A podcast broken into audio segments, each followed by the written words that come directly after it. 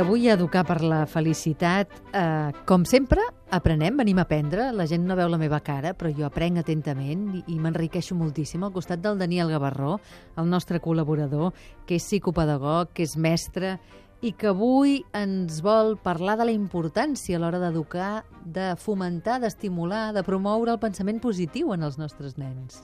Sí. I, i vull primer començar en definint què vol dir pensament positiu. Perquè el pensament positiu és repetir coses que són certes, però que no me les crec.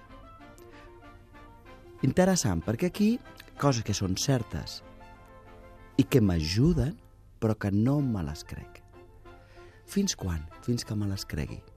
Però aquí hi ha una diferència molt important perquè tot sovint pel carrer la gent pensa que pensament positiu és qualsevol cosa que és guai i jo me la repeteixo.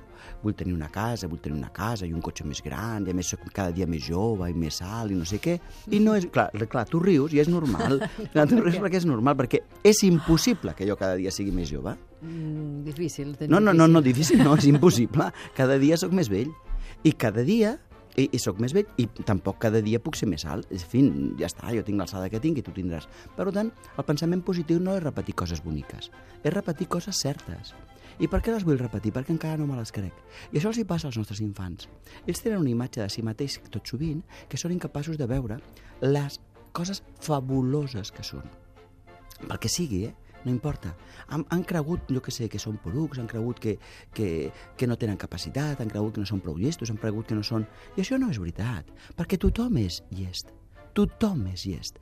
Tothom té una capacitat de valentia. Tothom té, i per tant això és veritat. I si jo m'he cregut és perquè moltes vegades m'he repetit a mi mateix, he sentit d'alguna manera, he, he escoltat el món que em deien això, i jo m'he dit, m'ho he fet meu. Llavors, el pensament positiu aquí és fonamental. Es tracta d'ajudar els nostres fills a, a que es diguin a si mateixos coses que són certes amb un vocabulari savi. Per exemple, tinc dret a ser feliç. Em cuidaré. Per exemple, jo aporto al món una cosa que ningú altre pot aportar. Quina sort de que jo sé cuidar el meu cos. Quina sort de tenir... Qualsevol cosa d'aquestes, qualsevol cosa d'aquestes, que és certa, pot ser repetida. Llavors, com a, com a mare, com a pare, què has de fer? Dos coses. La primera és fer de metge, en la mida del que puguis, de metgessa, és a dir, diagnòstic. Mires el teu fill i la teva filla i dius, aviam, quina malaltia té? En el sentit de quines creences té que té errònies. I la segona és, pues, recepta. Diu, carinyo, vine aquí. Saps què he pensat? Que una idea que és certa, que tu encara no la veus prou certa. Què és aquesta? Tu ets una persona molt intel·ligent i ets una persona creativa, perquè te'n recordes com vas fer i te'n recordes quan i te'n recordes què. I, et, I com a metge, com a mama metgessa, et, recom, et recepto que cada dia et repeteixis aquesta idea. Com et sembla que li podríem donar forma?